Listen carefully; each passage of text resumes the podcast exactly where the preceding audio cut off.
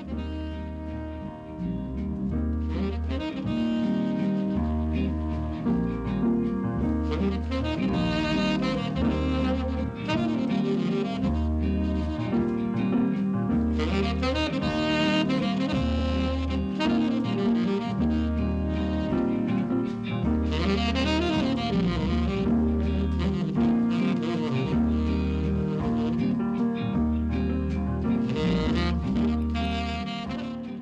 sæl, góðan dag, þau eru að hlusta á morgumaktin á Rás 1, þriðju dagur í dag, 7. februar, klukkunum vantar nýjum myndur í sjö, umsjónamaður þáttanist þennan morgunin Björn Þór Sigbjörnsson. Það er vond veður á landinu og þar sem það er ekki vond, þar á það eftir að verða vond. Eins og farið var ítalega yfir í fjölmjölum í gær, þá er landið apilsinugult nánast allt. Apilsinugular viðvaranir vegna veðurs gengu í gildi á höfuborgarsvæðinu, Faxaflóa, Breiðafyrði og á Suðurlandi klukkan 6 í morgun fyrir 50 mínutum og uh, gilda til uh, 8 8.30 9 eða 10 8 á höfuborgarsvæðinu og 10 á Suðurlandi. Og uh, Appelsínugular viðvaranir gangar svo í gildi annar staðar eftir því sem líður á morgunin klukkan 7 á Ströndum og Norrlandi vestra klukkan hálf 8 á Suðausturlandi klukkan hálf 9 á Norðurlandi eistra klukkan 9 á Östurlandi að Glettingi og klukkan hálf 10 á á Östfjörðum og uh, þetta á að vera orðið skaplegt uh, um með upp úr hátegi ekkert vesen að komast til vinnu í eftirleitinu. Klukkan, eh, eða fyrir um klukkustund. Snjóaði svolítið í gerðkvöldi en um, ekki þannig að uh, nokkurt vesen væri. En þetta ásansat eftir að vestna gangi þetta allt saman eftir. Spáinn svona gengur í sunnan 20 til 28 metra í skamman tíma með slittu eða snjókomu hægt við eldingaveðri snýst svo í suðvestan 15 til 23 metra með jæljum fyrst vestan til en eftir háti í Östalands og það drefur úr vindi setnipartin. Hiti víða í kringu frostmark en alltaf 5 stigum östast og vægt frost svo í kvöld. Og uh, þetta hefur alls konar áhrif. Það er óvissu ástand á vel flestum vegum landsins og uh, fólk þarf að rekna með að þeim verði lokað umferðbönnuð og það verði ákveðið með skömmum fyrirvara. Við fylgjum með eins og hægtir vísum annars á vefsíður bæði viðstofunar og vegagerðarinnar. Frettarstofan auðvitað á vaktinni og segir frá á 30 mínuna fresti. Að jarðskjáltanum í Tyrklandi og Sýrlandi í gær 4300 látnir 2900 í Tyrklandi 1400 í Sílandi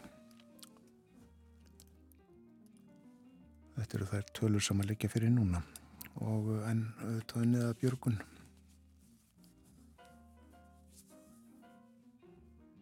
Og við heyrum af uh, ástandi mála í frettunum klukkan 7 hér eftir rétt rúmar 5 mínútur. Það er ímislegt á Daskra morgumaktarinnar í dag. Þóruður Snar Júliusson verður hér rittstjóri heimildarinnar eh, upp úr halv átta ætlum við að tala svolítið um verðbólguna og vextina. Líka að tala um eh, þessar viðræður sem farið í hönd núna um samruna kviku og Íslandsbanka og sé eitthvað fleira á Daskrana hjá okkur. Artúr Björgvin verður á sínum stað eftir morgun fréttinnar segir okkur frá því sem er efstabau í Þýskalandi. Og uh, svo fyrir við aðeins til kemla ykkur meira en það eftir. Tónlist, alls konar tónlist. Og uh, við ætlum að byrja á að hlusta á Helnu Ejólfsdóttur syngja Bell Ami Ein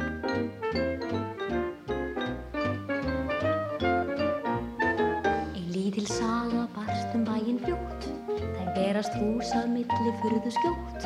Í hverju horni kvislaðar á kvöldin og horft í leini bak við klukkatjöldin. Því eins og farfugl flýgur yfir sæl, úr fjaska kom hann hér í þennan bæl.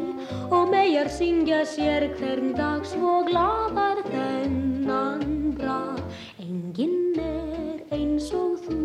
Bella mig ég er hér sjáðu nú bella mig hjartað ótt í barni berst bröðum þínum engin verst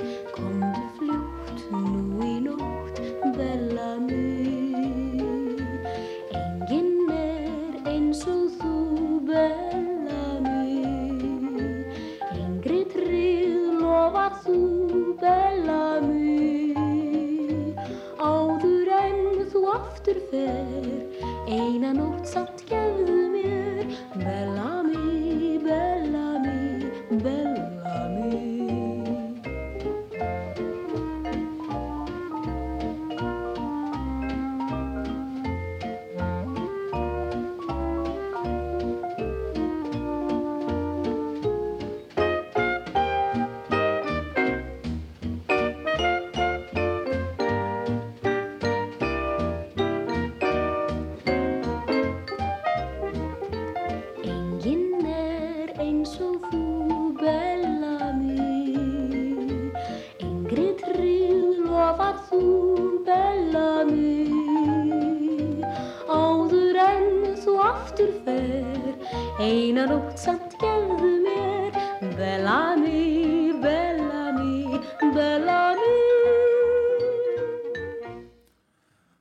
Bellamy söng Helena Jólsdóttir. Læðið Erlend Jón Sigursson gerði textan. Og við höfum eftir að heyra fleiri lög frá svipuðum tíma. Frá því gamla dag eins og stundum er sagt. En það stýttist í fréttinnar frá fréttastofinni, fáum þær á slæginu sjö, svo yfirleitt hálf átta, fréttir átta og svo yfirleitt hálf nýju, allt með hefðbundum hætti á okkur og morgunvaktinni. Og eins og áður saði, ímislegt á dagskrá, Þórðursnar Júliusson og efnaðasmál, efnahagur og samfélag kollu við spjall okkar, Artúr Björgvin og ímislegt fleira. En eftir fréttinnar fyrir við ítalegar yfir dagskrá þáttarins lítum í blöðin og uh, fjöldum aðeins um uh, Bonnie Raitt, tónlistakonu.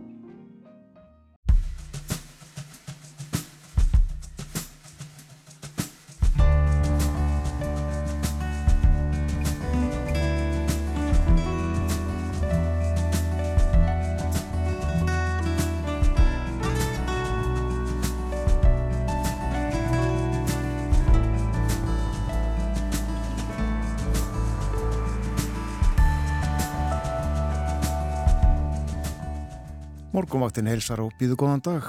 Það er þriðu dagur 7. februar. Klukkan farin að ganga átta, umsjónamaður þáttarins þennan morgunin Björn Þó Sigbjörnsson. Og að því sem er framöndan, Þórðursnar Júliusson verður með mér klukkan hálf átta. Við ætlum að tala svolítið um vextina. Er hækki en eina ferðina á morgun. Það var vaksta ákvörðunadagur, peningastefnu nefnd Sælabankans tilkynir um ákvörðun sína. Mér sýnist uh, greinendur almennt á því að vexteinnir hækki. Við viljum líka að tala um mögulega saminningu Kviku og Íslandsbanka og svo ætlum við að fjalla um Æslandir sem tapaði rúmum 800 miljónum á síðast ári. Það eru þetta mjög miklu peningar en það er miklu miklu minna tap en árin á undan. Í Berlinarspjalli eftir morgunfréttir fjallar Artúr Björgvin Bodlason um þýsk stjórnmál og þýska dægurtónlist, meira en það á eftir. Og hann segir líka frá tímamótum sem að urðu í Þýskalandinu og dögunum í baráttunni við kórnuveruna. Og undir lok þáttar, já þá förum við í göngutúrum Keflavík í fyllt Jökuls Jakobssonar og Gunnars Eyjólfssonar. Vegna veðusins þá vildi ég ekki stefna til mín fólki að óþörfu og leitaði því í safnið og við leikum brot úr samtali Jökuls við Gunnar um æsku stöðvar Gunnar sögðu með sjó Gatan mín héttjú geysi vinsæl þáttaröð Jökuls hér í útvarpinu um og upp úr 1970 einhvern veginn svona verður morgunvaktin í dag. Við höfum yfir uh, veðurspána fyrir fólk sem var að vakna kveikja á viðtækjunum appilsínu gular viðvaranir ímist í gildi á landinu eða ganga í gildi eftir því sem líður á morgunin en uh, þetta á að ganga til tölu að rætt fyrir, rætt uh, yfir. En spáin er svona, gengur í sunnan 20 til 28 metra í skamman tíma með slittu og snjókomu og það er hætt við eldingaveðri. Og svo snýst í suðvestanátt, vindfræðin 15 til 23 metrar og jél fylgja og það gerist fyrst vestan til en eftir hádegi austanlands. Og það drefur úr vindinu setnipartin. Hitti á landinu í dag víða um frostmark en uh, alltaf þeim stegum austast og í kvöld er hætt við vægu frosti. Og á morgun miðugudag þá verður söðvestanátt 8 til 15 og jél, uh, bjart norðaustan til og frost á morgun 2 til 9 stig og annað kvöld verður norðvestanátt 10 til 20 metrar og uh, snjókoma norðan á vestanlands og kvassast verður á morgun við söðvesturströndina.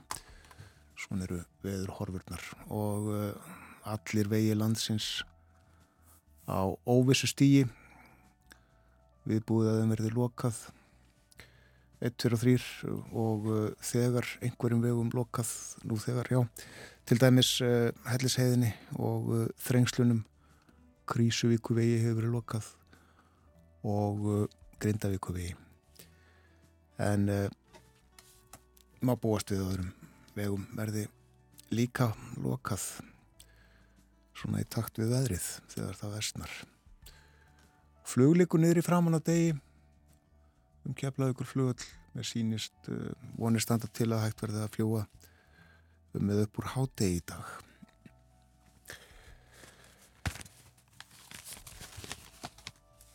Við lítum í blöðin og fórsýðmyndir begja blada, bæði morgunblaðsins og fréttablaðsins frá uh, Tyrklandi.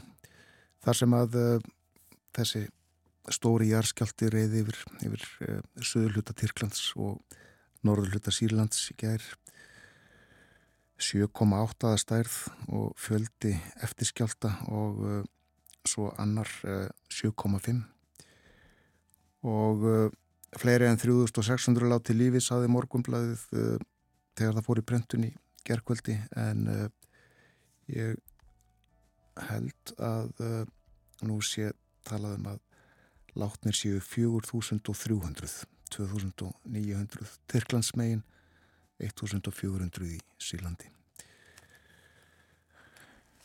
Skerfilegar náttúrulega hanfarir þannig.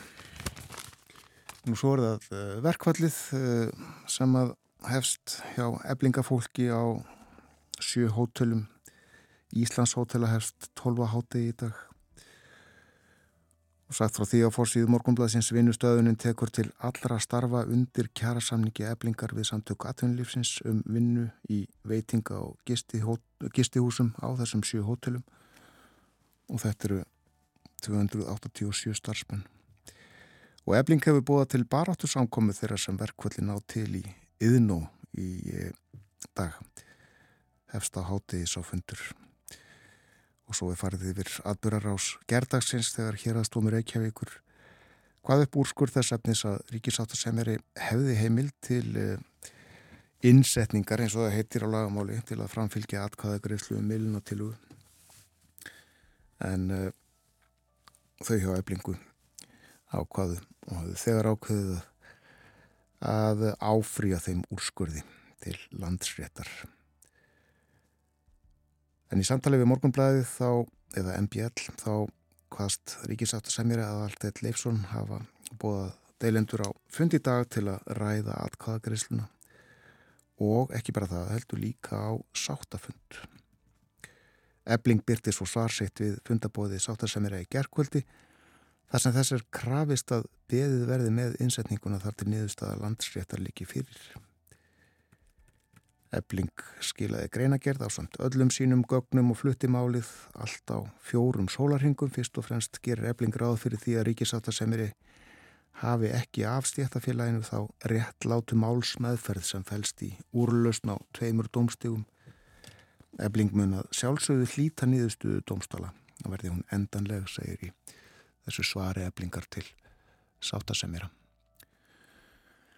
En... Uh, Frettablaðið eh, fjallar um mál Gilva Sigurssonar og eh, ræðið við Breskan lögumann sem eh, getur samt ekki talað lögum Breskum sangkvæmt um málið en segir að og því er sleið upp í fyrir sögnað farban Gilva stitti ekki mögulega fangelsistóm og eins og greint hefur verið frá þá er málið komið til saksóknara. Og uh, þessi lögmaður segir að saksóknari standi fyrir tveimur, frammi fyrir tveimu kostum. Annars verður að fella mál liður eða ákjara aðeins meira úr morgunblæðinu sagt frá því hér á blaðsíðu 2 að uh, meira en 20.000 fengu ávísuð ADHD-lif á síðast ári og uh, notkunn ADHD-lifja jógstum 12,3% á senast ári. Það hefur hægt á aukningunni meðal barna, drengir eru enni meiri hluta segir hér. Og hér segir líka notkunn adrenvirkra lifja en orðin meiri meðal fullorðina kvenna en karla. Þetta var að helst ár blöðunum. Aðeins að alþingi ætli þessi þingfundur í dag, já, hefst 13.30 og uh, störf þingsins fyrsti dagskráliður og uh, svo er næsta mál útlendingar. Eins og síðustu hvað, 10, 12, 15 þingfundi eitthvað svo leiðis framhald annar umræðu tveir á malendaskrá Andri Singi Jónsson. Sem í dag mun uh, flytja sína 8.50 ræðu.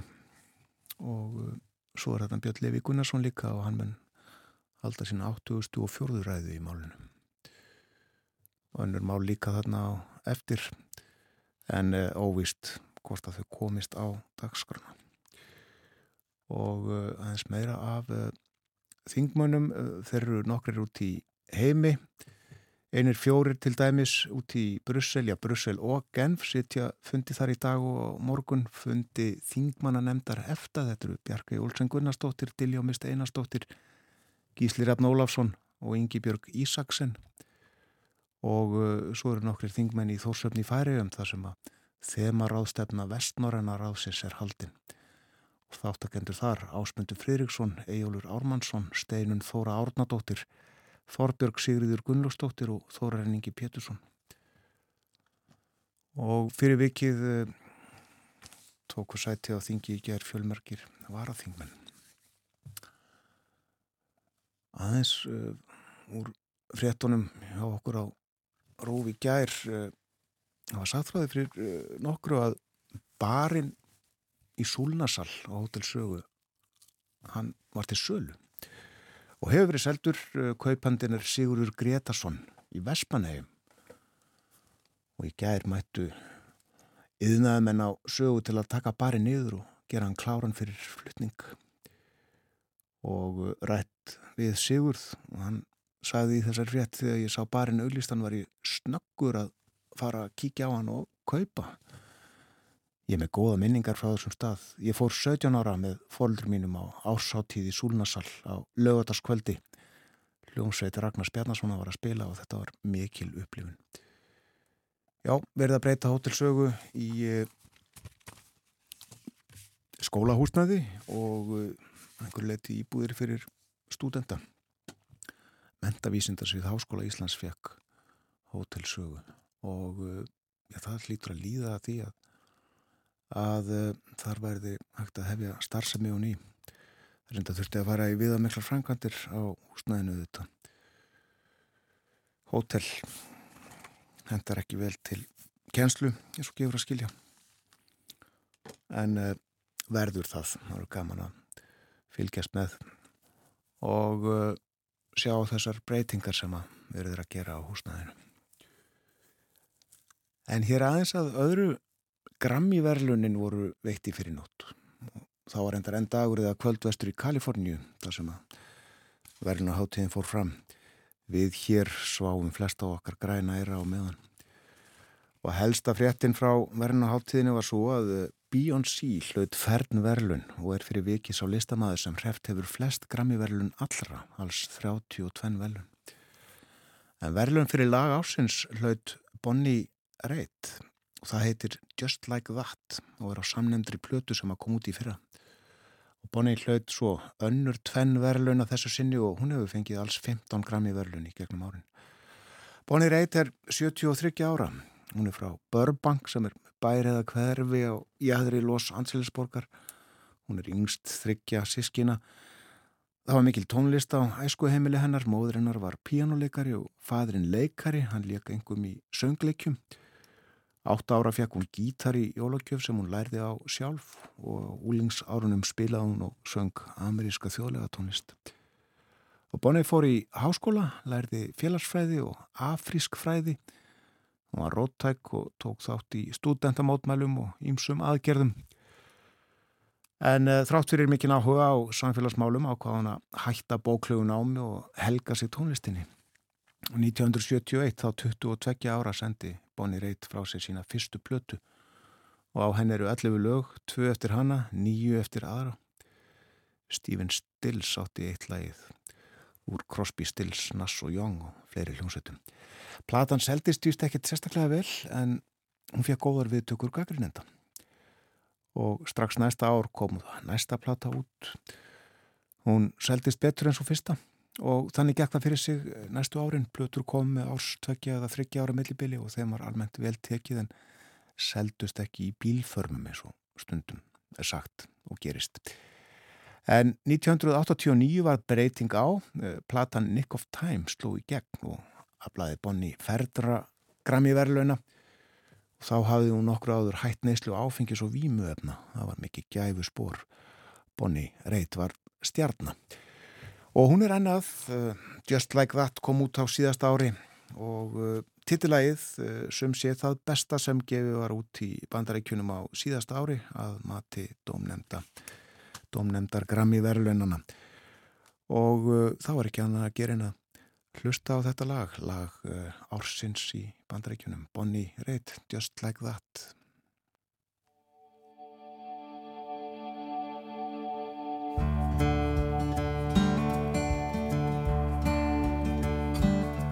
I watched him circle around the block, finally stopped at mine.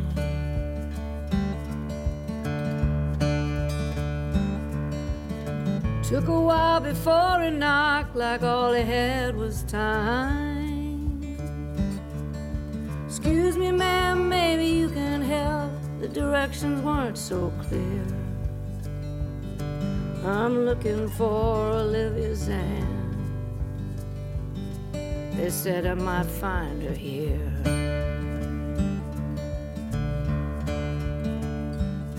Well, I looked real hard and asked him what she's got he's looking for.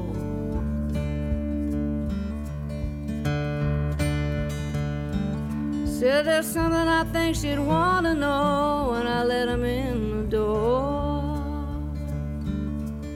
It's not like me to trust so quick caught me by surprise.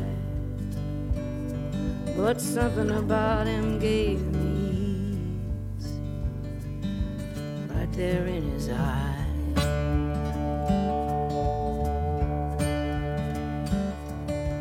Just like that, your life can change. If I hadn't looked away,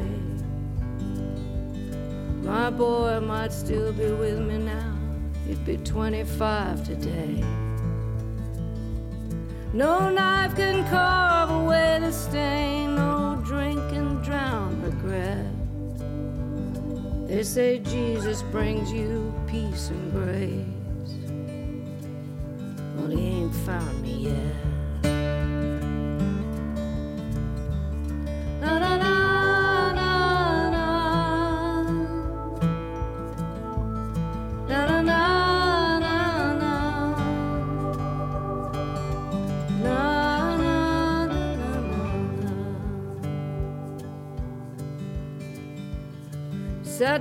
And took a deeper breath and looked right in my face.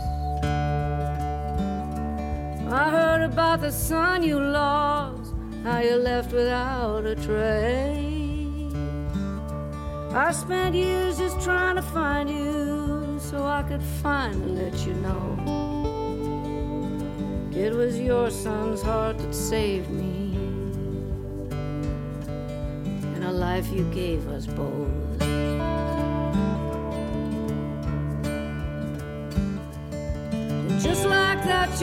Life can change. Look what the angels send.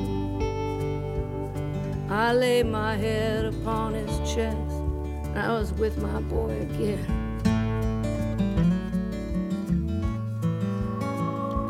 Well, I spent so long in darkness, I never thought the night would end. But somehow grace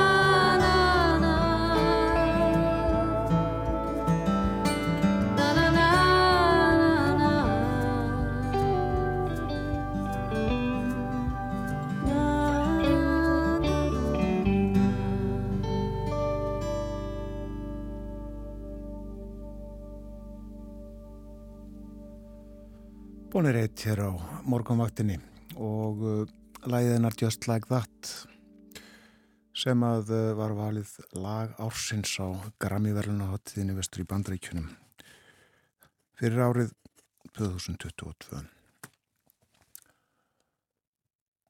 Það er búið að loka nokkrum vegum, uh, það er bálkvast og blind, veit ég, og best að fara yfir þetta uh, það sem að liggur fyrir um vegina uh, Mósvelseiði er lokað Krísvíku vegur lokaður Helliseiðin, Þrengslin Grindavíku vegur Norðanvert Snæfellsnesið, allar leiðir þar eru ófærar Brattabarekka, ófær vegurinn um Holtaverðu heiði ófær vegurinn um Dynjandisheiði er ófær og uh, hann verður ekki opnaður í dag. Steingriðsfjörðarheiði ófær, Þyrarfjall ófært, Mörudalsörafi og Mývarsörafi. Það er lokað og uh, aðrir vegir í aðtun, óvissu ástand og uh, mögulegt að þeim er lokað með skamum fyrirvara. Bestar áður er að vera inni í dag. Uh, það er að segja uh, meðan mest í kveldurinn gengur yfir fólk sem hefur tök á því.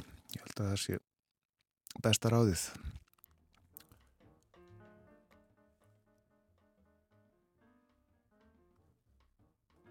Og viðspáinn fyrir fólk sem var að vakna, hugleðingarnar eru svona lægðar drag með sunnan stormi eða róki og slittu eða snjókomu færist hratt norðaustur yfir land.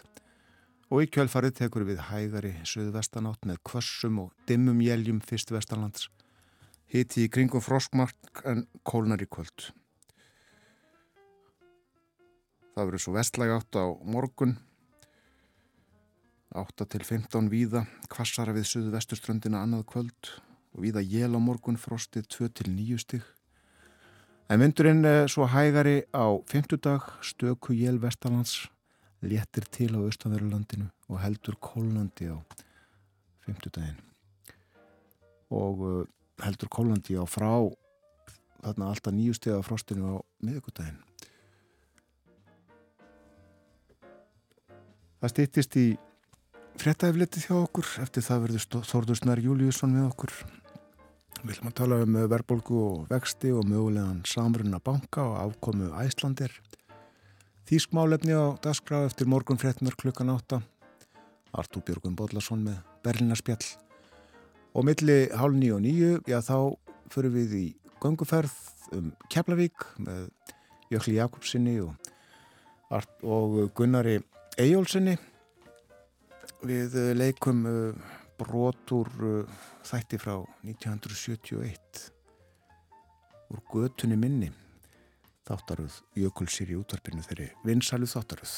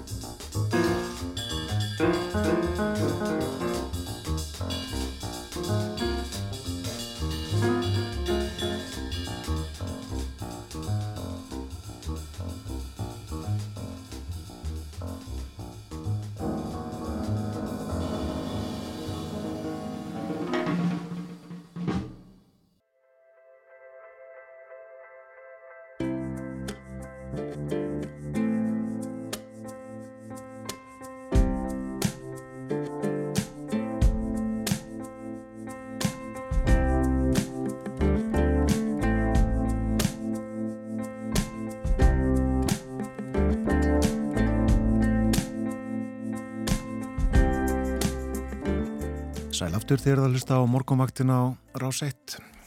Klukkan réttliðlega hálf átta, það er þriðu dagur í dag, 7. februar. Andri Irkil Valsson fór ákveðlega yfir ástandið á landinu akkurat þessa stundina í fréttæðiflitinu hér áðan.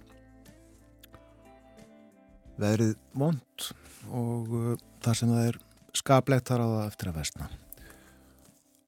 Þannig er staðan svona í stuttumáli apilsínugula viðörunir í gildi eða fara að ganga í gildi. Væri kemur inn á uh, Suður og Vesturlandi og fer yfir það og uh, mér sínast síðustu apilsínugulu viðvaranirnar renna úr gildi hálftvö í dag. Við östfyrðina. Nú nú, meira um veður setna efnahagur og samfélag hér á dagskráni næstu 20 mínutunir eða svo. Þórðursnar Júliusson Rittstjóri heimildarinnar er komin í þáttinn. Hann braust í gegnum veðrið sem eh, var kannski ekkit svo slæmt eða hvað þessa leið sem að þú fóst eða komst? Nei, það góð nú bara þægilega óvart að þetta var nú bara ekkit ósvipað og er flesta þrjúta smóna þegar maður er að koma í senga upp yfir að vetri til. Nei, akkurat, en það geti vestna, höfum það í huga Við ætlum að uh, tala um ímislegt í dag, uh, byrjum á stýrifókstunum, uh, vaksta ákvöruna dagur á morgun og já, það er bara eitt sem að þau horfa til í peningastefnu nefndinu og það er verbulgan ekki satt. Jú, og með að verbulgan er uh, á uppleið 9,9% og hækkaði uh, umdarsvert í janúar þrátt fyrir útsölur. Uh, í mánuði þar sem hún er svona tilneingu frekar til að lækka en hitt og, og þrátt fyrir að hún sé á niðurleið við það í kringum okkur þá jógst hún hér. Og við því er raunverulega eitt tól sem býtur og það er stýrivægsta hækkun og mér sínist nú greiningar aðlar vera meir og minna sammála um það við sjöum að fara að horfa á stýrivægsta hækkun eh, á fundinum á morgun.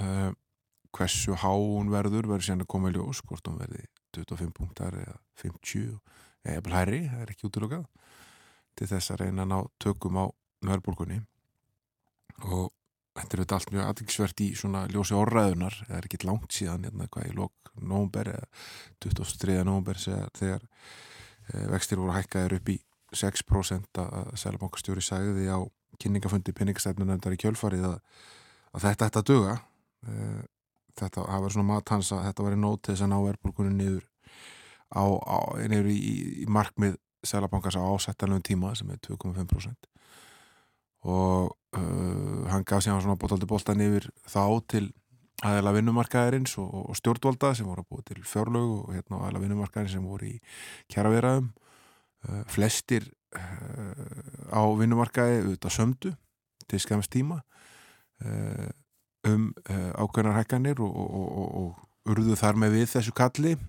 um það hérna, allir væru saman í árabótnum og allar þessar líkingar sem við höfum hirt svo marg oft þegar kemur að efnaðismálunum eh, þannig að svona búa semja fyrir stórn hlutan af, af almenna hundumarkamnu og bara eiginlega ebling eftir þar.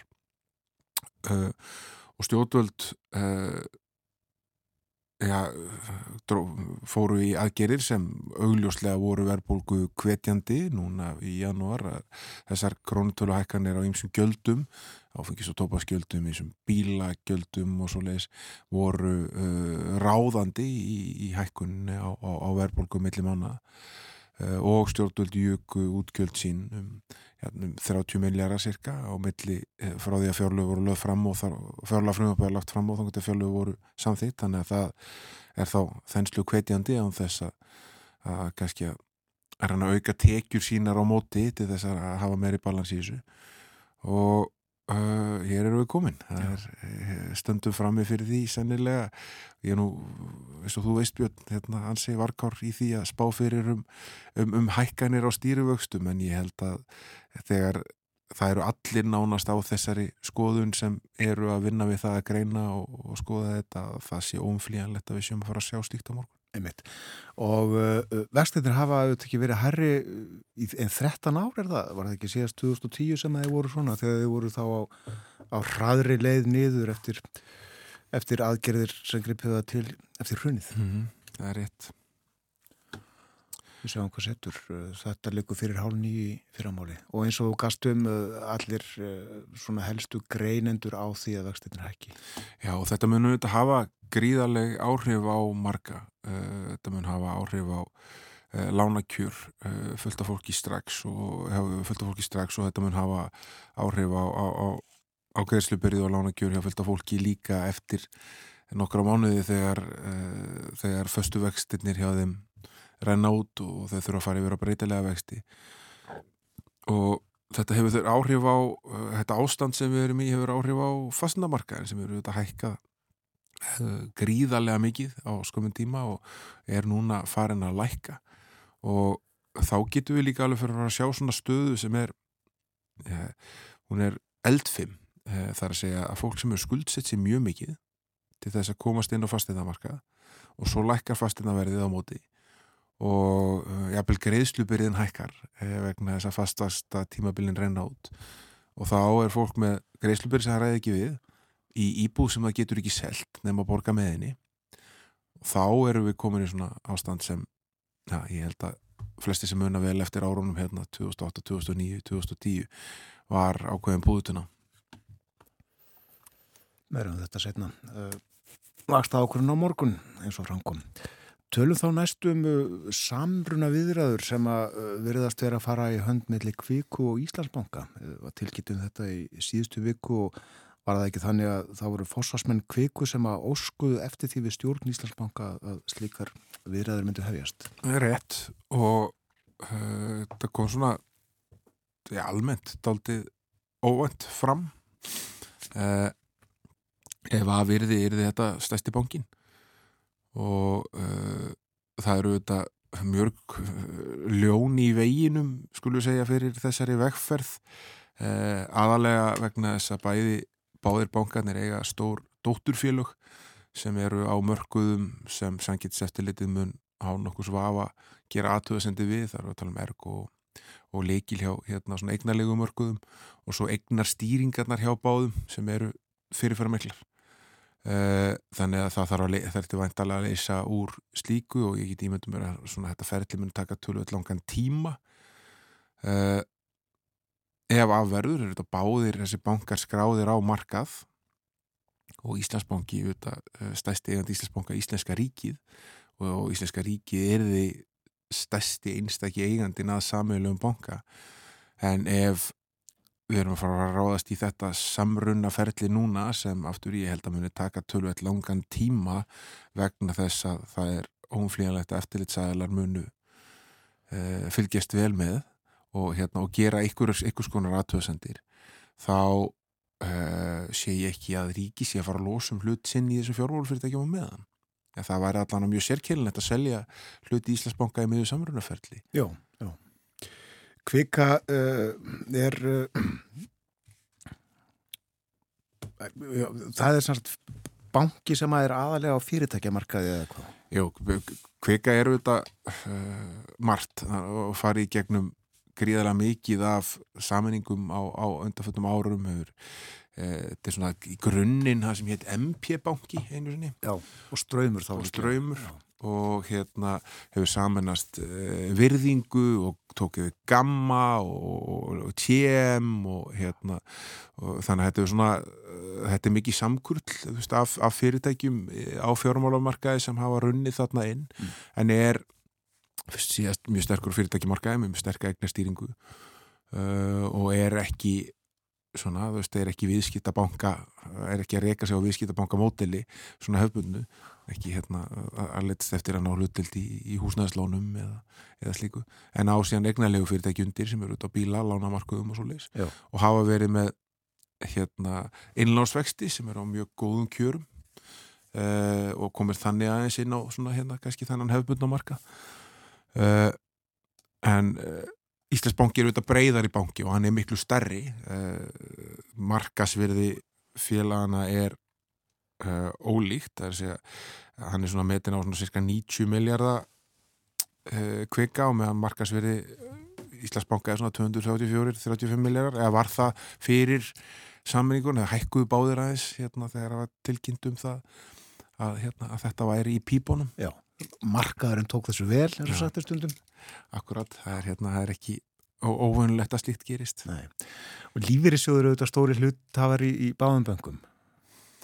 Já, lífyrirsjóður eru alltaf stóri hlutafar í all flestu. Já. Eh, þannig að hérna, það er líka óvönulegt að, að þeir verði fyrirverðar miklir hérna, en það hafa þeir ekki mikið sviðrúndi þess að kannski að kaupa ekki í, í, í stórum skráðum félögum. Það eru um, sára að fá uh, félög á markaði sem eru ekki hérna, sem stærstu lífyrirsjóðnir eiga ekki í. Það basti á formlegt erindi frá kviku til Íslandsbanka fyrir helgi. Það er nú svo er það ekki að það farið fram einhverjar þreyfingar áður en að slíkt formlegt erindi var sendt út. Mér finnst það mjög sennilegt uh, að, að ég sé ekki verið að senda út eitthvað svona bara í algjöru blindni og það svo sem er alveg heimilt ef að mennur skilgrindi bara sem inn er að fara með upplýsingarna þannig þannig að það leggja ekki út og hafa áhrif á marka og ég ekki orðið varfið það að þessar upplýsingar hafi leggið út með einum hætti á tilkynningin frá Kveiku kom. Nei. þannig að en mér finnst mjög sennilegt að, að það hefur verið rætt saman allan á stjórnar eh, milli stjórna. Já, sem segir okkur þá auðvitað að það er einhver áhug í Íslandsbanka megin á þessu. Ég held sér alveg borlegjandi að þessar umræður verið teknar. Eh, það er alveg óumflíðanlegt og svo þetta er ímislegt sem getur breytið sér stöðu, Íslandsbanki er uh, svo þekkt er fjármála eftirlitið með uh, þáttöku Íslandsbanka í, í söluferluna á sjálfu sér til rannsóknar og núna standi við viðræður um það hvernig að ljúka því máli þær viðræður getur þetta haft ykkur áhrif. Uh, ég ætla ekki að spá fyrir hver þau væru en það, þau getur verið ímiskonar ef, ef að svo niðurstafur mjög dökk þá getur hún haft ykkur áhrif inn í þess að samruna viðræður ef hún er jáka fyrir bankan þá getur hún gert slíkt líka. Þetta getur haft áhrif á Uh, hverju komið til greina þessi stjórnendur í, í samveglu banka og svo frammeðis það er ímislegt sem á eftir að koma í ljós. Já, og uh, þetta þarf já uh, samkerniseftiliti vantilega að metta farið að svo langt reyfum þá upp að, að það komið vekk fyrir kaup, kaupla skafyrðinga á Gunnarsmæðinu síðan daginn mm. Það verður okkur að fara grann yfir þetta. Já, það er hérna búið að gera mikið grína því á, á samfélagsmiðlum. Hversu ítaleg greininga og allskynst tegundum og sósum er í 130 plassina skjali um, um majónusmarkaðin á Íslandi. Já, áhugavert fyrir matgæðinga að lesa þetta. Já, og, bara svona, og sértækja matgæðinga sem eru miklir áhuga með um majónusósur það er Getum þess hér áðurum við Eh, hættum að tala um þetta mál að eh, stjórnaformaður eh, Íslandsbanka er Finnur Árnarsson sem var lengi fórstjóri Haga og stjórnaformaður Kvíkum einu Sigurur Hannesson frangatastjóri samtaka yðnaðurins en uh, þá að því uh, síðasta á dagskráni okkar þennan morgunin það er Æslandir sem að uh, skilaði á dögunum uppgjöri fyrir síðasta ár og það gekk talsvert betur á síðasta ári heldur en nokkur ár þar á undan Já, já, Æslandir hefur búið að tapa alveg óheirilegum fjármunum á, á nokkra ára tímabili og, hérna, og tapaði áfram fjármunum á því síðasta en tapi var 5,8 eh, miljónir dala eða rúmlega 826 miljónir króna með að við gengi uh, dólarnas á, á síðasta degi, síðasta ás uh, og það til samburar var tapið 13,7 miljónar 2021 Uh, þannig að hérna en uh, svona í, í stóra samvinginu þá er æslandir eða þá tapapenningum þrátt fyrir allt uh, búið að fara í gegnum tvær hlutafjörötningar, búið að fara í gegnum rístruktúra félaginu og að fá mikið af ofinberur stuðningi til þess að standa sig korunveru faraldurinn og það hljóta á endanum að vera vonbreiði á á, á, á yfirlýsingunum að, að heyra að hérna Eh, að hafa svona atbyrðir eh, síðla ás sem hefur ráðið þarna miklu. Þar sé að enni spuritin lokaði í Níls uh, Búarsson fórstjóri Æslandi mat kostnað félagsins af uh, því tjóni sem var þá á um miljard og þá ertu komið með tapið uh, svona cirka ef, ef það er tölur standast. Það þarf ekki nema eina lægð. Nei og, hérna, og af þeim eigum við nóg hér á Íslandi.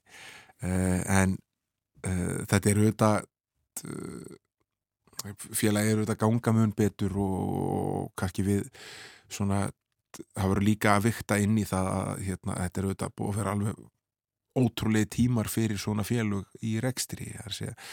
Uh, far kórunur faraldur í, í fangið og, og, og svo þegar uh, loksins rofar til með honum þá uh, hefst stríð í Úgrænu með alls konar Eh, áhrifu sérstaklega á kostnæðalið eldsnittsverð og annað slíkt sem er mjög mjög uh, ríkur þáttur í, í eða stór þáttur í, í kostnæðaliðin í rekstri flugfjöla þannig að uh, það er svona, er ekki svo að það sé alltaf búið að blása mjög með þessum uh, þessum atunuvegi á undarfönda en ég menna við erum núna að þetta færða þjónustan er að ná vopnu sínu vel og, og Æsland er verist verið að ná vopnu sínu vel.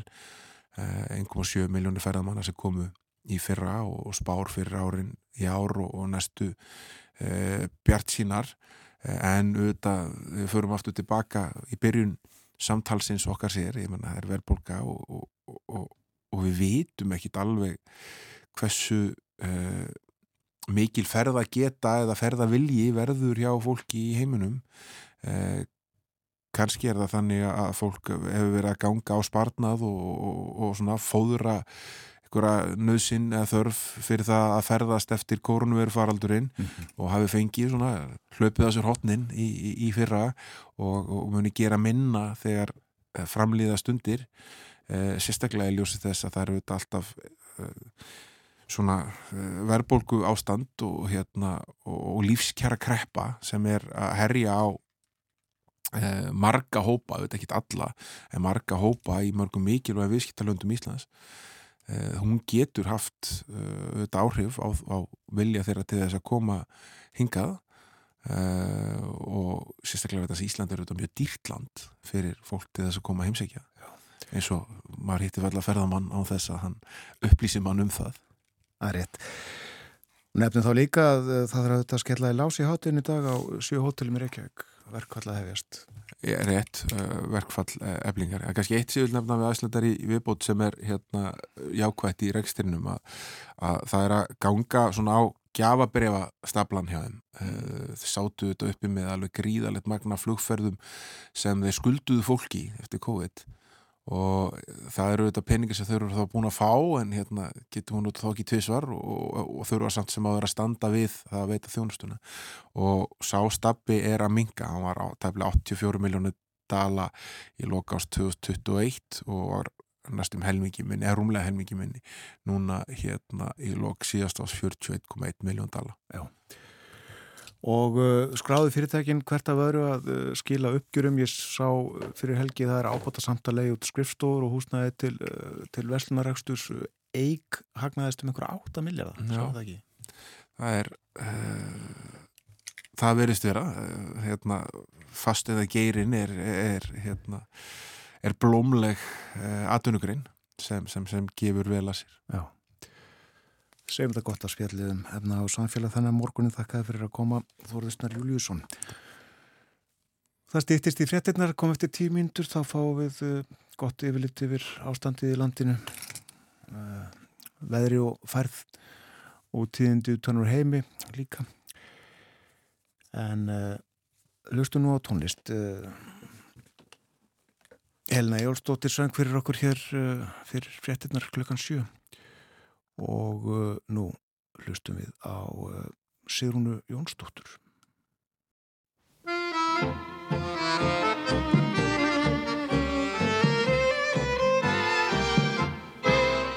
En þá mann ég það kvöld er ég sá hann Ágústín var hann satt og let sér dreyma einn því að því líkan mann hafði ég aldrei áður sér en það hann við að einu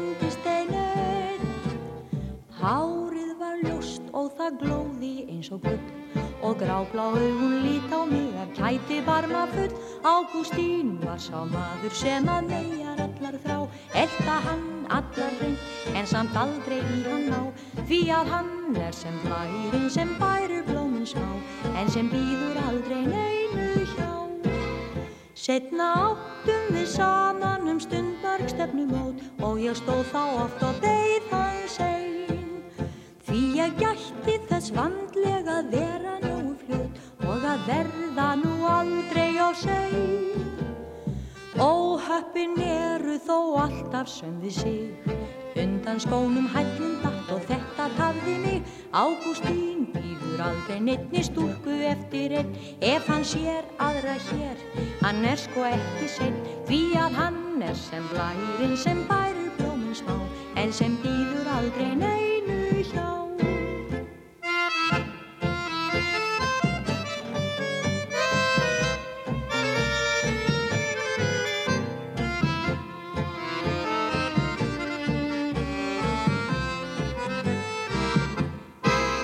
Hann var farinn og ég mátti aftur snúa heim og ég átti marga dabra nóg.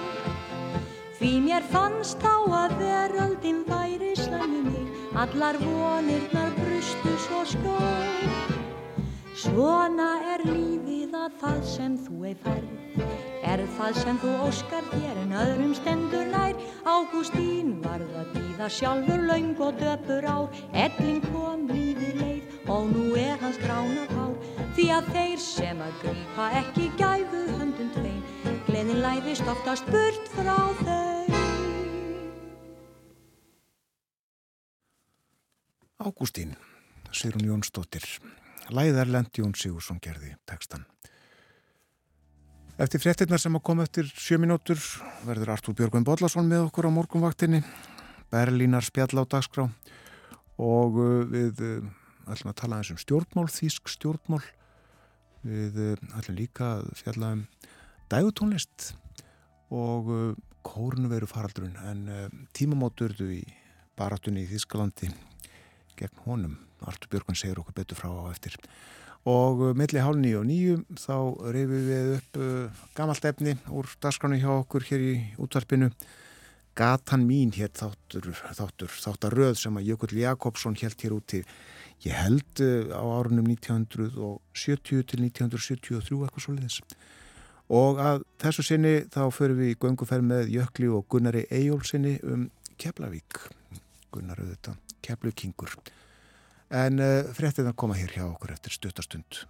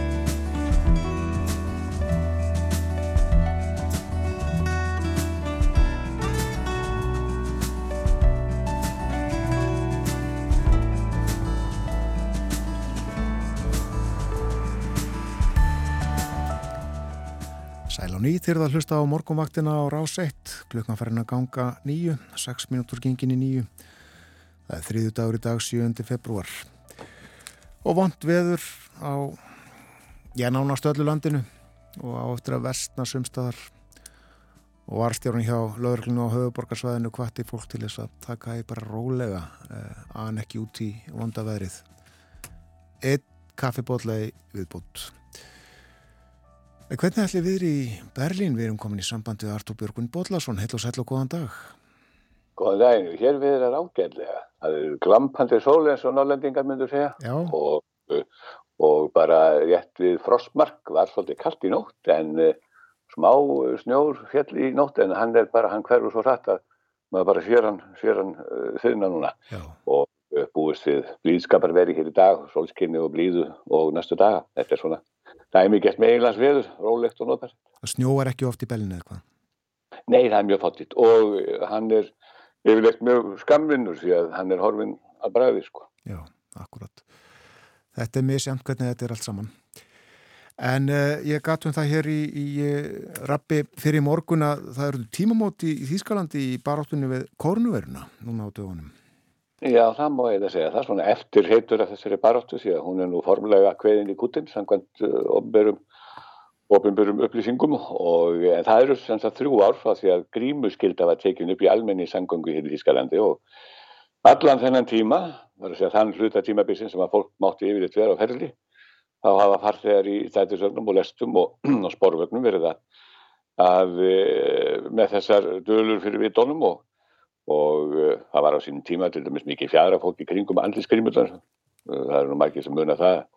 Menn karpuðu mjög mikið um það hvort að uh, þær væru að varna smiti eða hvort að það væri alveg gagslausar í baróttunum við koronadrísilinn og svo fjallum svo flestur á að þessar grímur væru ekki bara nýtsamlegur heldur líka nöðsilegur veiru vari og þegar að sko fólk uh, þegar maður hugsaði tilbaka þá er það sjálfsagt balki sem að vilja nú helst bara gleyma þessum grímu höldu árum og, og það er skiljaðlegum ástæðum. Uh, ég meina borgir eins og Berlín sem að eða vennulega lífi breyttu sér í draugaborgir og, og þetta var langur og, og leiðilegur þyrnir og svo svefn. En uh, svo fórum menn að heldum menn áfram þrátt fyrir það að það er verið að róa til að vera með grímur í búðum og samkomum og í almenningssamgöngum og uh, það er með þetta með það kunningar hafi setið saman í lestum á þess að það ekki hver annan því að mm. þú náttúrulega átt erður með þessi áframan í fólk. Þegar þið heilur með, með, með, með svona mestra hluta andliðsins en, en uh, það var ekki sko það var þess vegna núna mjög skýtin tilfinning. Á 50 daginn var þá var nefnilega uh, grímu skildan í Þískalandi öllu og í öllum almenningssangungum lestum, stætisvögnum, sporvögnum og annar staðar afnuminn formlega þetta var fyrsti dagurinn og, og ég brá nú undir mig betri fætturinn eins og maður segja og, og eh, fór í lestaferð sjálfur að fara um borgina og það var mjög skrítin tilfinninga að stiga upp í neðra lestina á fymtudaginn og sjá allt í hennu bara fullt af, af nögtum, nefjum og, og örum í allt í kringu sig og það var ekki lustuð að maður verði bara, ég verði að segja það, ég var bara hálf feimin allir þessu, þessari andlis nekt það er ekki séð svona mikið, mikið af nögtum andlitum lengi og og svo náttúrulega er annað að svo hrukku nokkur í lestinni og þar með ég svolítið yllimislega við þegar einhverju einhver verðsynning maður á næsta bekk uh, byrjaði að hósta. Og uh, þá fóruðu þetta um alla farþegarna uh, því að greinilegt að, að bargir voru enn mjög viðkvæmi fyrir þess konar hljóðum. Menn er nú minnuði þess að hjá mörgum byrjaði þessi COVID-drýfsill emitt að láta þessi kveða með, með hósta. Já. og það má segja að þetta sem sagt var annan februar var þessu formulega loki og það tekur eflust þó nokkuð tíma fyrir fólk að að venja sig á að sitja án grímu innan um grímulösa farþega í lestum og stætusögnum og ég tók eftir því að, að þó að flestir farþegar verið grímulösir í lestinni lestónum sem ég fór með þá eru nú ennþó nokkuð margir sem að telja það vissar að vera áfram með grímu og það áuruglættur að líða tölveru tími þangar til að allir verða grímulösir og, og þó að grímuskylda má kannski geta því endan hafi löng, fyrir löngu verið afnuminn í búðum til dæmis þá eru það ennþá svona margir sem að uh, hafa varan á og setja upp grímu áður en þess fara inn í ja, minni verslanir þar sem að maður búast við þrengslum og uh, þetta á öruglega eftir að vera viðlóðandi einhver tíma enn að, og svo er náttúrulega annað sem er auðvitað á langt mál að fara út í enn svo eru margir sem að segja núna eftir að menn fór að fella grímundan í auknum bælið þá hafi sjúkdómar fæst í aukana. Og uh, það er nú vist við það á Íslandi líka hver pestið hafi verið hansi ásagnar síðustu, missi, síðustu mánuði þó að það sé nú kannski ekki alveg að þeirri ástöð en hérna hefur e, mikið verið um svona pestir. Og maður sjálfur ekki farið varlut af því. Og, og skólar og vinnustæðir hafa til dæmis varðilega verið starfhæfur sem ykkur er vegna pesta. Þannig að en það eru áhaldum það hvort að þetta er vegna þess að ónæmist kerfið hafi látið ásjá að menn hafi ekki andað fram að einhver annan í, í þrjú ár eða hvort að þetta er af einhverjum öðrum ástæði þannig að þá ástími líka núna og, og kannski ekki jafnmargi verið bólusettir við pestum eins og áður. En þetta sem sagt eru mikil tímabótt. Já, en fólk var sem sagt almennt uh, hlýðið uh, það bar grímurnar þar sem það átti að bera þær og þá, já, einhverjum í almennin samgöngum. Já og nei, ég myndur nú ekki segja, al, jú almennt skulum við segja, en það voru ansi margar undan þengar síðustu mánu, vikur og mánuði hefur maður rekist hvað þetta er annað fólk sem að þverskallaðist við að vera með grímur og, og einlega var svona eh, Þetta er mikið ungt fólkið í Berlín, eh, þetta er ung borg og sérstaklega svona yngra fólk eh, var orðið mjög þreytt að þessu og síndi það í verki með því að, með því að hunsa þessi, þessi reglur en, en það er svona allur þorri fólks fór eftir þessu. Ja, akkurat.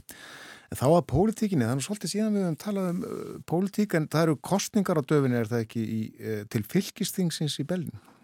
Jó, kemur ekki til að góðu vegna þess að uh, þetta verða, nú er verið að endur taka 12. februar, verið að endur taka kostningar sem fóru fram í september 2021 þar sem maður má segja bara allt hafi farið úrskeiðis sem gæt farið úrskeiðis því að þetta er einhverjar klauvalugustu og kjánalegustu kostningar sem hafa farið fram í Ískalandi frá stíðslokum því að uh, það fór allt úr böndunum uh, kannski vegna þess að vera að tjósa til þingsins í leiðin og sömulegis greiða atkvæðu um ákveðna aðra hluti sem var það bellin að búa Já.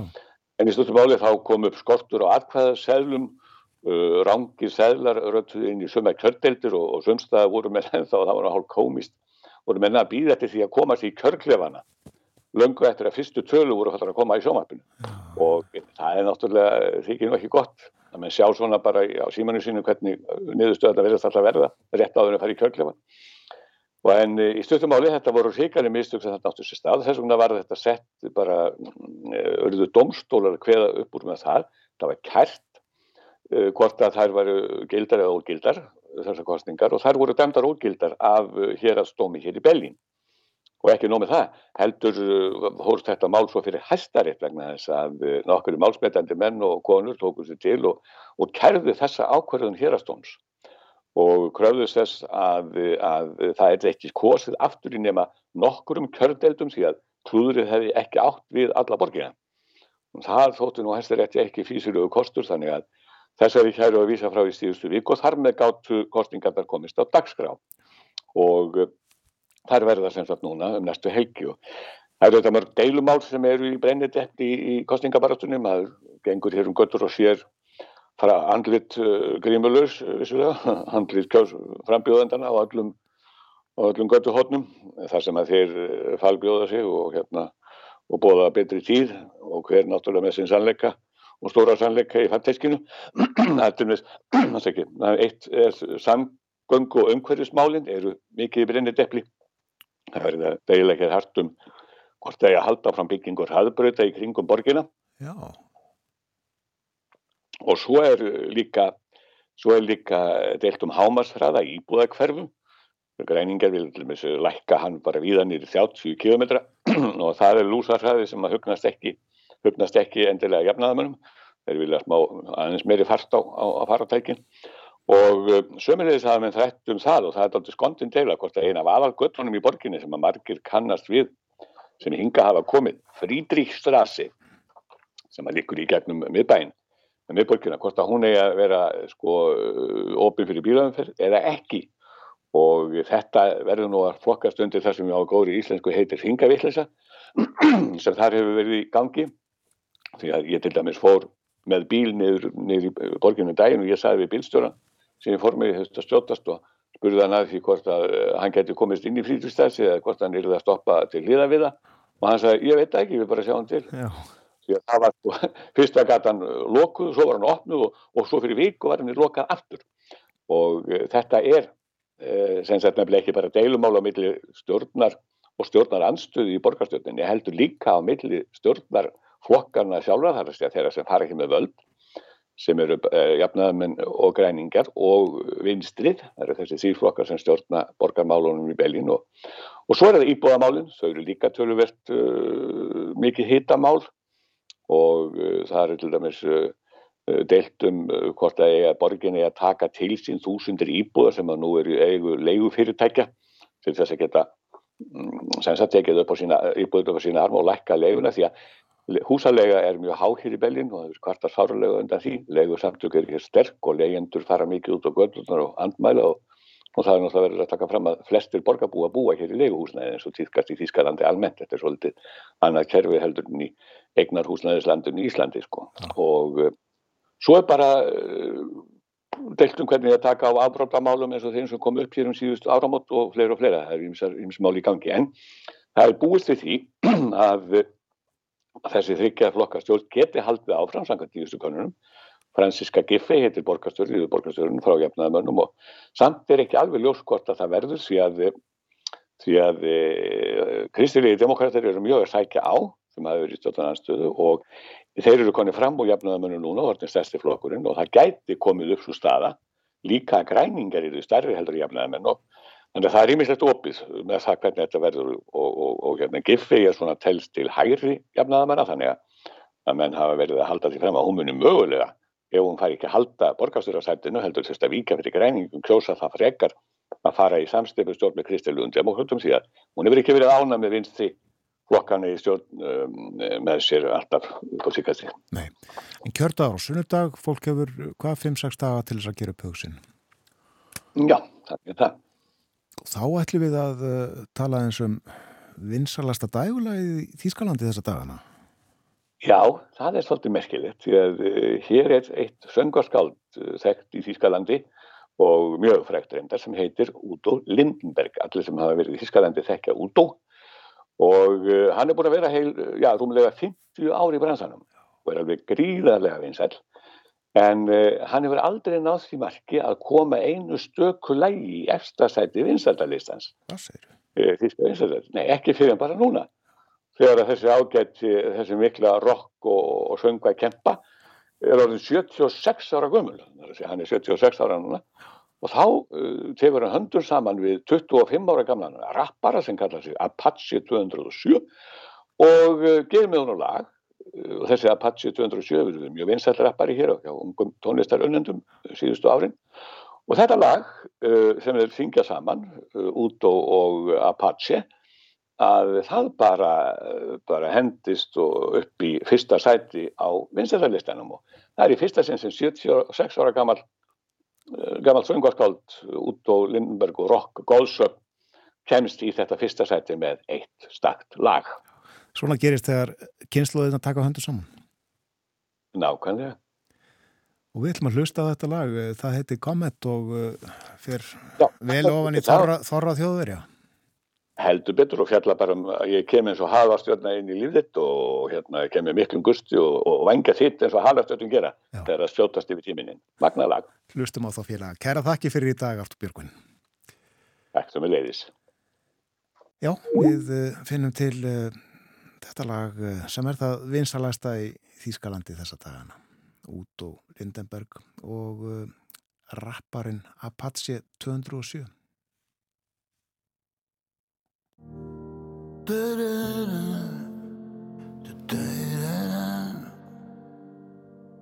Ich hör die Möwen singen am Hafen, das letzte Lied zum Rauschmiss. Zählt schon lang nicht mehr die Jahre, die ich im dichten Rauch sitz. Hier war vorher mal ne andere Bar doch der Schnaps schmeckt noch genauso. Und wenn ich irgendwo zu Hause war, dann immer dort, wo der Applaus tobt. Und wenn ich geh, dann so wie ich gekommen bin, wie ein Komet, der zweimal einschlägt. Vielleicht tut es weh, doch will auf Nummer sicher gehen, dass ich für immer leb. Lass uns nochmal aufdrehen. Und wenn ich gehe, dann so wie ich gekommen bin, wie ein Komet, der zweimal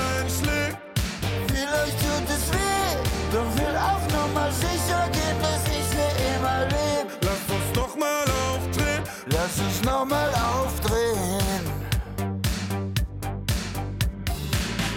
Nimm aus dem Club das Glas mit. Konfetti liegt auf den Straßen, trage mit Stolz die Fahne, ex den allerletzten Schluck. Wo sind die letzten Tage? Frag ich den Taxifahrer und er fragt mich, was ich will. Ich will nicht einschlafen. Ich will ein Fußabdruck Und ich sage dir, kein anderer Fuß passt da noch rein. Also bitte setz mich nicht zu Hause ab allein. Sie soll sehen. Ja, wenn ich gehe, dann so wie ich gekommen bin, wie ein Komet, der zweimal einschlägt. Vielleicht tut es weh, doch will auf Nummer sicher gehen, dass ich für immer leb. Lass uns nochmal aufdrehen. Und wenn ich gehe, dann so come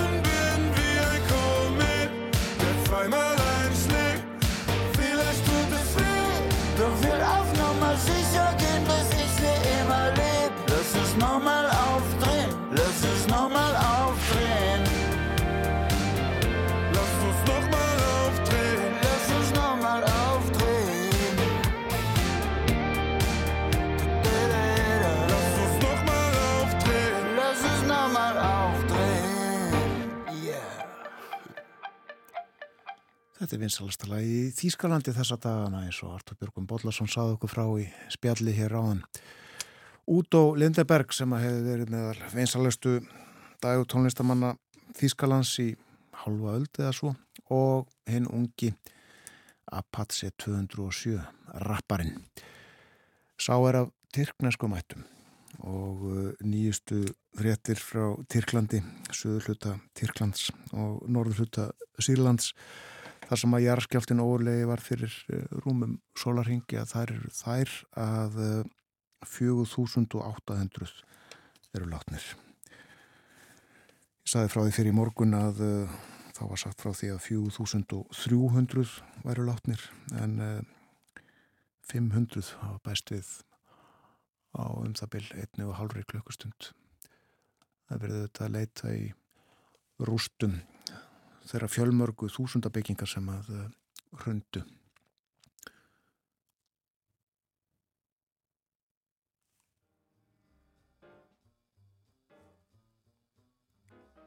Ég minni á það að eftir fréttaðeflituð eftir milli hálf nýju og nýju þá reyfið við upp brot og leikum úr uh, þætti Jökuls Jakobssonar Gatan mín frá 1971 Það fer í gungutúrum keflaðið með Gunnari Ejjólfsinni leikara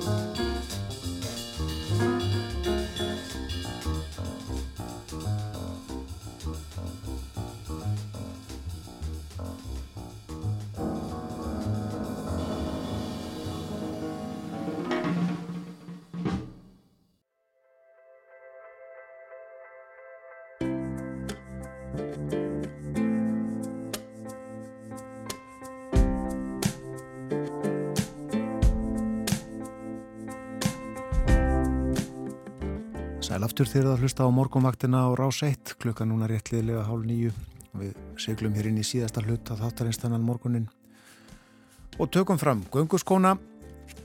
Við ætlum í göngutúr með Jökli Jakobsinni og Gunnari Eyjólfsinni leika hér hlut ár þætti frá sömri 1971 og á meðan við reymum á okkur skóna þá hlustum við á eitt lag Hér er Anna Kristín Argrimstóttir og Littli Vinn.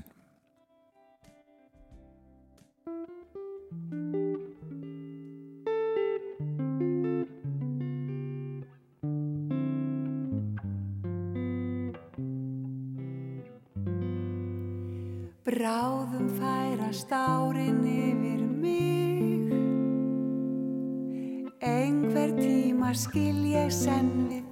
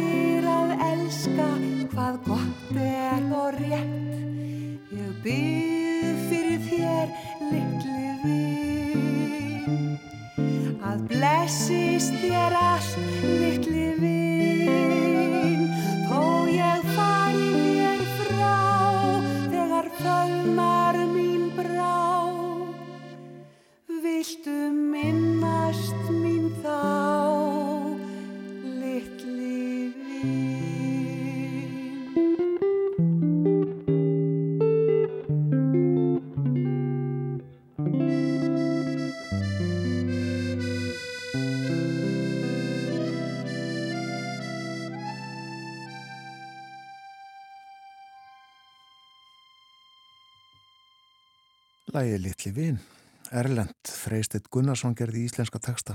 Sigurður Ólafsson söng, söngatinn á hljómblötu 1953.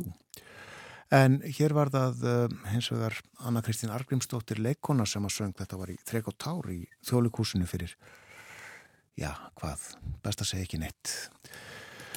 Til að fara nú ekki með rámt mál, en uh, svo litið síðan. Leikrit sem að Ólafur Haugur Símónasson skrifaði.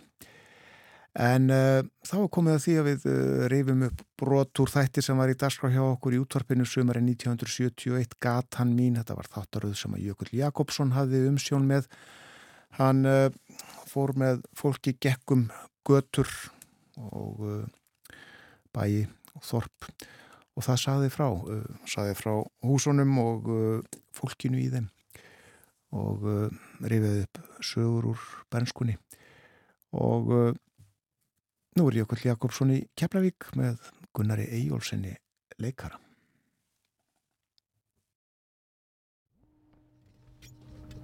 Í dag leikur leiðin um götur Keflavíkur. Gunnar Eyjólfsson leikari ætlar að segja okkur deili á húsum og í búum þeirra. Raunar eru, eru við búnir að koma hér inn í eitt húsið og við við kærlega fyrir kaffisópan frú Eigló. En uh, það var hér ofar í bænum þar sem rýsa núna nýtískulegar og stórar villur uh, þeirrar kynnslóðar sem nú byggir Keflavík. En uh, það er önnur Keflavík sem við ætlum okkur að róa úr í dag við Gunnar. Hann ætlar að leið okkur hér um eldstu götur Keflavíkur, sín okkur gömlu húsin og segja okkur frá fólkinu sem þar bjó eins og hann mann eftir því þegar hann var hér ungur að alast upp. Og það er ekki nema eðlilegt í öðru eins sjáarplási eins og Keflavík að byrja hér út á Bryggjuhaus eða við erum hér út á enda á Hafnagarðinum. Það er verið að bræða hér í Gúanóinu af fullum krafti og ennst flutningaskip liggur við Bryggju. Bátar eru auðvitað allir rónir. Nú, þú mannst sjálfsagt eftir þessu öðru vísíkunar þegar þú varst hér strákur á stuttum buksum að leika þér. Já, já, ég mann eftir því þegar að bátarnir lágu á Keflavíkinu sjálfri. Þegar að aðalbryggjurnar í Keflavík voru miðbryggjan og básbryggjan. Og það mun hafi verið í kringum 1937 sennilega sem að er byrjað að byggja upp hérna inn við Vassnesið í Vassnesvíkinni. Uh, Óskar Halldórsson, útgerðamadur, framsýn og dugmikill maður, hann kom hér til Keflavíkur og byggði það sem við kalluðum alltaf Hafstjöpabryggjuna. Hann var áræðinn, duglegur maður, ég mann vel eftir honum, hann kom oft heim til pappa og það var lengi vel það eina sem við gáttum sínt reykjugingum þegar þeir komu, þá mann ég eftir því það var ekkert að sína hér í Keflavík nema að labba inn á Hafstjöpabryggju, við vorum ákvæmlega stoltir af þessari bryggju. Nú svo komu hér norðmenn og fóru að byggja þennan hafnagarð sem við erum á. Og uh, það var alltaf verið að lengja þennan hafnagarð og búa betur á bátunum, þú sér bryggjurnar hérna innan við hann.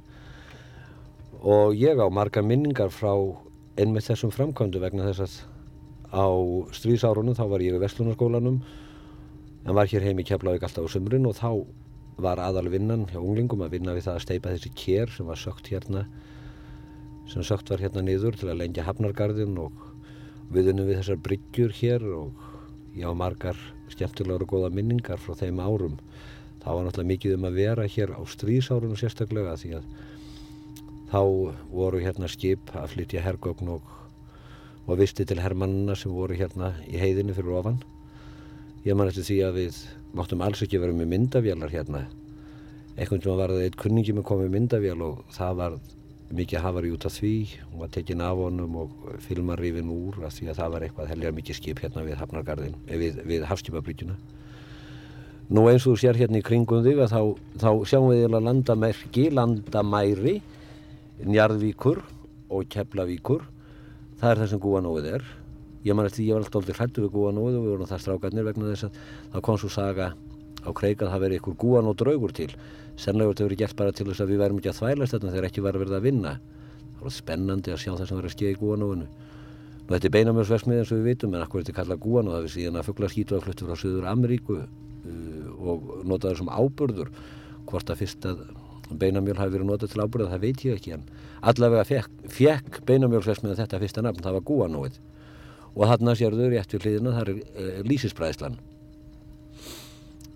og e, hérna er sem sagt aðal aðtefnasvæði Keflavíkur og, og e, hérðan að róa okkar duglegu sjómenn Nú og við göngum hér yfir Vasnessið og hér niður í Dálitla vík og þar ætlar Gunnar að sína okkur gamla bryggju sem hann mann eftir frá bensku sinni.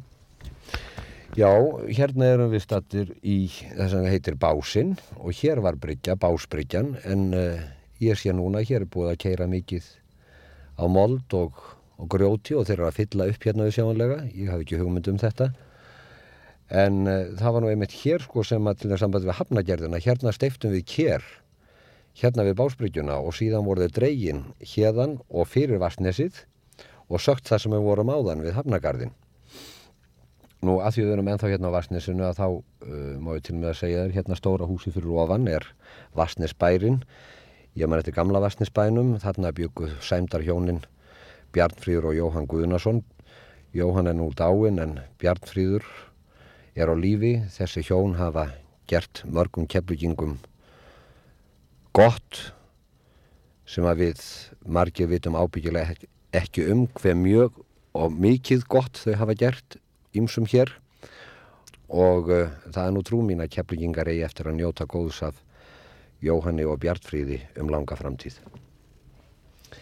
Nú uh, að við erum hérna í, já það er eitt sem ég ætlaði að segja er uh, og það var maður sem hefur unnið Já, hann er alltaf kallað Gústi á Vassnesi maður sem hefur unnið alla sína æfi hérna við Vassnesbúið tryggur og örugur og ráðvendin maður. Hann hefur verið eins konar verkstjóri bústjóri, ráðsmaður og allt múlimann hjá Jóhanni og Bjarnfríði. Og sem dæmi upp á trúmennsku þá má til með að segja er eina skemmtilega sögu. Einu sem var það fyrir mörgum árum að hér var gömul kona sem bjó líka Vassnesi og hún saltskipin komu hérna og skipuðu upp og það var salthús sem búður að rýfa hérna rétt fyrir ofan, það er búið að rýfa það núna. Og þar gemdi Jóhann Salt og Gústi á Vassnesi sáum þetta allt náttúrulega. Nema þessi kona kom einu sinni til Gústa og með póka og segir við hann, heyrðu Gústi, heldur þú getur nú ekki hjálpað mér með svo litið salt í þennan póka og þá saði Ágúst Uh, heyrðu salt í fötu í fyrra og salt í póka í ár? Nei, nú verður að tala við Jóhann. Já, menn eins og Gústi á Varsnesi það er eh, ábyggilega leitun að jafn diggum og trúverðugum mannum og honum. En hér varst þú sem sagt strákur í fjörun í eina tíð og uh, auðvitað engin prakkari. Eh, jú, prakkari. Ég hef ekki verið prakkari kannski vestu, nei, ég segi það nú ekki en maður gerði ímislegt af sér eins og stráka að gera. Nú að því við stöndum hérna í básnum og ég sé þarna klettana sem skaga fram, þú sér þessa kletta þarna. Þarna inni, ég veit ekki hvort að, jú, eflust þeir sem búa hérna nála tvarsninsunum vita nú um hellin sem er þarna. Það er hellir þarna í klettonum, kvæmlega skemmtilegur hellir, hann er nokkur rúmgóður hérna sem við sjáum rétt í opið og uh, þarna eru leinigöng ég hef nú ekki hvetja neina til þess að reyna að fara þessi leinigöng vegna þess að ef að þeir eru í sæmulugum holdum þá komast þeir ekki á enda og út hinnum einn en þetta var ákaflega skemmtilegt þegar ég var strákur. Þarna fórum við strákarnir yðurlega og maður verður að fara á fjöru því það fellur yfir þessi göng á flóði.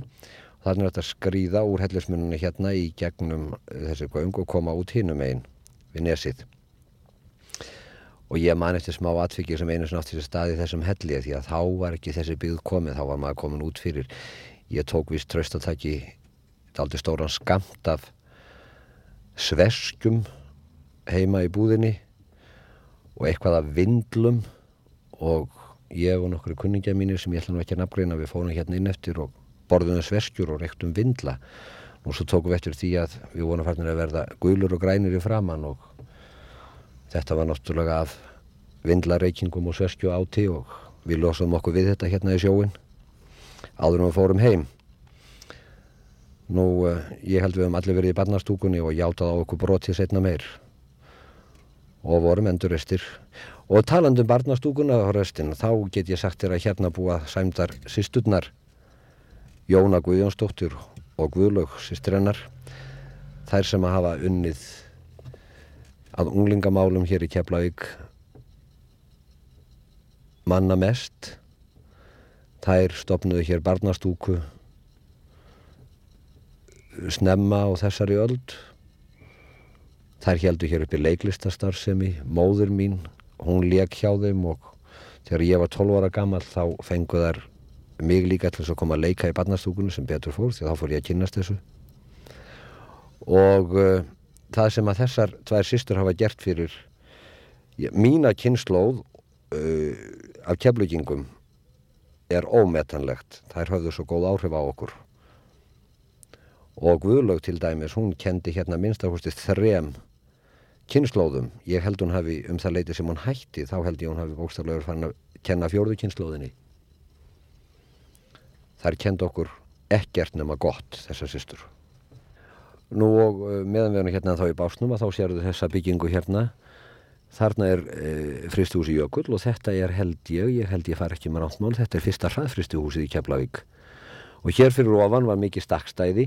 Það er eitt sem að ég man eftir sem strákur hérna, það er einkendi Keflavík á uh, já, fallegum sumardegi að sjá ef maður sá yfir Keflavík svona um miðjan dag júlimánuði þá er það sem engjandi keflaði, það voru kvítu reytirnir, stakstæðin sem hérna voru, þá vorum við að þurka fisk og þetta var unglingavinna mikil og ungir og aldnir unnu við fiskvinnu hér og það eru marga skemmtilega sögur til af, af stakstæðisvinnu hérna í Keflavík. Ég get sætti meira að segja tvær, það var einu sinni, það hefur sannlega verið 1930-31, ég bara man eftir þess að mér var sagta og frændi minn áttun og hluta máli því að það var þegar að loftfarið e, Seppelin flög hér yfir á leysinu til Reykjavíkur að þá hafði fólk verið að vinna hérna á þessu vassnistakstæði og þegar að strákunum kom heima þá sagðum við mammu sína mamma veistu það að stóra konun á stakstæðinu hún misti út úr sér tennurna þegar loftværi kom.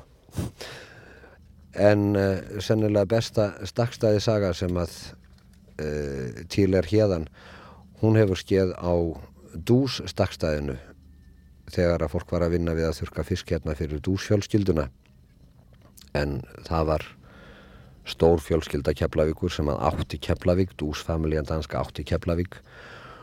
Og uh, þannig hef ég heilt söguna að það mun hafa verið tengd á svona dús Íslandingur sem kallaði sig Ólafsen að hann var einhvern tíman að skamma uh, þennan sem hann kallaði víst Kotalíð og notaði ímis ófögur orð um þetta vinnufólk og sagði að það dræpist allt úr af lús og emdarskap og skít og enginn þorði náttúrulega að segja eitt eða neitt við faktorinn Ólafsson Tengdason þess mikla dús nema þá var það kona og ég veit að það var móðir kona sem Kristín hétt ótt heim í Jónshúsum. Ég man bara ekki hvað hún hétt sjálf. En þessari sögu gleym ég ekki og margir á landinu hafa heyrt það sem hún svaraði svarið sem að hún gaf þá Ólafsson því það var þessi kona sem sagði hvað er að heyra Ólafsson? Allt var pussað og penað og stífað og ströyjað en þó dó dús þó dó dús. Gunnar Eyjálsson leikari. Í þætti Jökuls Jakobssonar Gatan mín, þetta var frá sumri 1971 þegar gengu um Keflavík og uh, Gunnar saði sögur frá bernsku árunum, saði frá já meðal annars vindlum og sveskjum og stakkstæði, lett seppilinn og fölskum tönnum. Og saði líka frá fólki eins og gengur.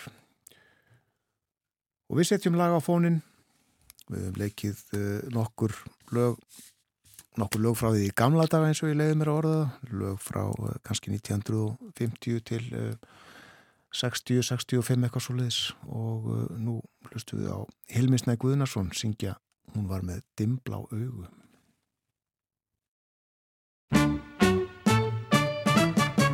Það var í ágúst hér austur á landi.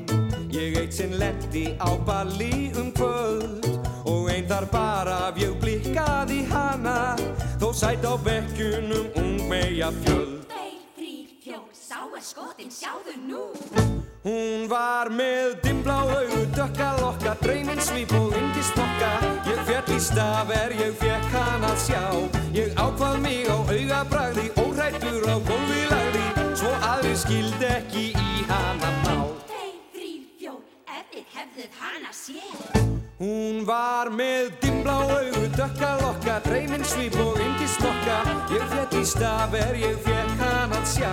Ég ákvað mig á augabræði, órættur á gólfi lagði Svo aðri skildi ekki í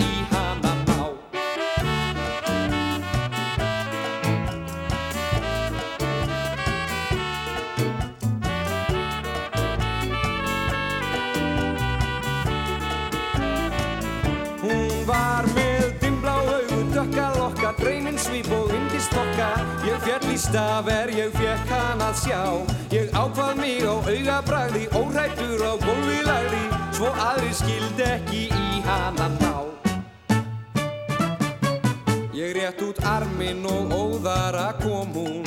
Ég held ég ætti að fá þennan dans En fyrir aftan mig annar var kominn.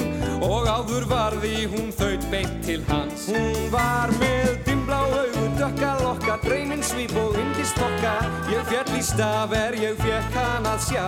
Ég ákvað mig á augabræði Órættur á gólfi lagði Svo aðri skildi ekki í hana ná. Þau dansuðu vanga við vanga. Ég vonsvikinn mátti hörfa þar frá Og þó ég hlýpi til aftur og aftur Mér aldrei tók samt í hana að ná. Þeir, þrýr, fjór, haldið að hann hafi vatn Hún var með dimbla augu, dökka lokka, dreyminn svip og indist nokka Ég fjall í staf er ég fekk hann að sjá. Ég ákvað mig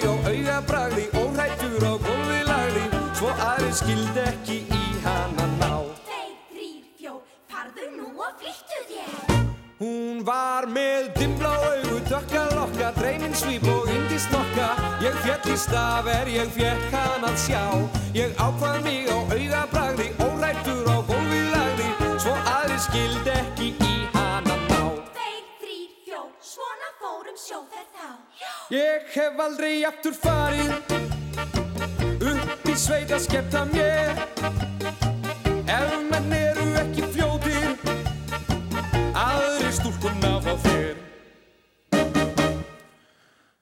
Hún var með dimbla á augu, Raki Bjarnar söngat en á hljómblötu 1960 en uh, hér hlustuðu við á Hilmi Snæ Guðnason.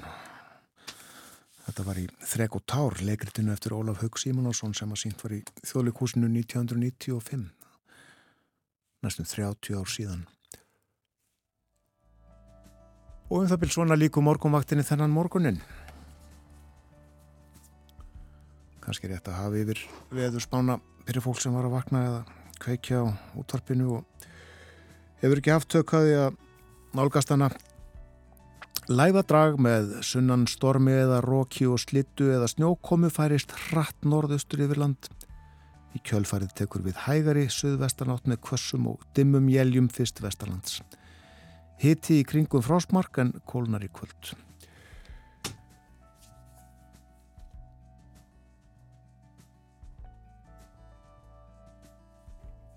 Morgonvaktin verður á sínum staði fyrramáli við bjóðum góðan dag þegar klukkuna vantar tíu mínutur í sjö. Þökkum samfélgina í dag. Njóti dagsins og verði sæl.